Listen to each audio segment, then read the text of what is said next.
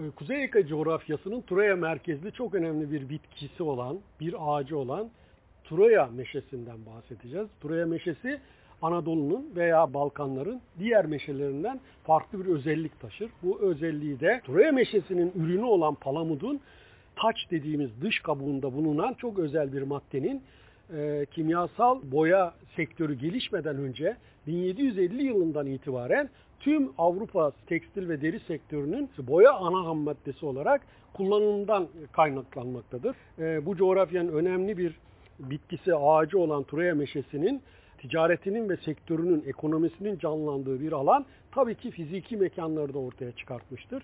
Bunlar e, Ayvalık, Burhaniye, Ören, e, Edremit, Altınoluk, işte e, Asos e, sahili, Geyikli, Odun iskelesi, e, Kösedere ve benzeri sahil noktalarında yer alırken Çanakkale'de de bu ana ticaretin oluştuğu mekanlar Sarıçay'ın hemen kuzeyinde yer alan üçgen alınlıklı geniş büyük depoların yer aldığı e, mekanlardır. Bu mimari kendine özgü bir form yaratan, e, buralarda depolanan e, bu ürünler deniz yoluyla Avrupa'nın çeşitli kentlerine, deri ve kumaş sektörünün geliştiği alanlarına gemilerle bir şekilde nakledilip orada ham madde olarak kullanımını sağlamıştır.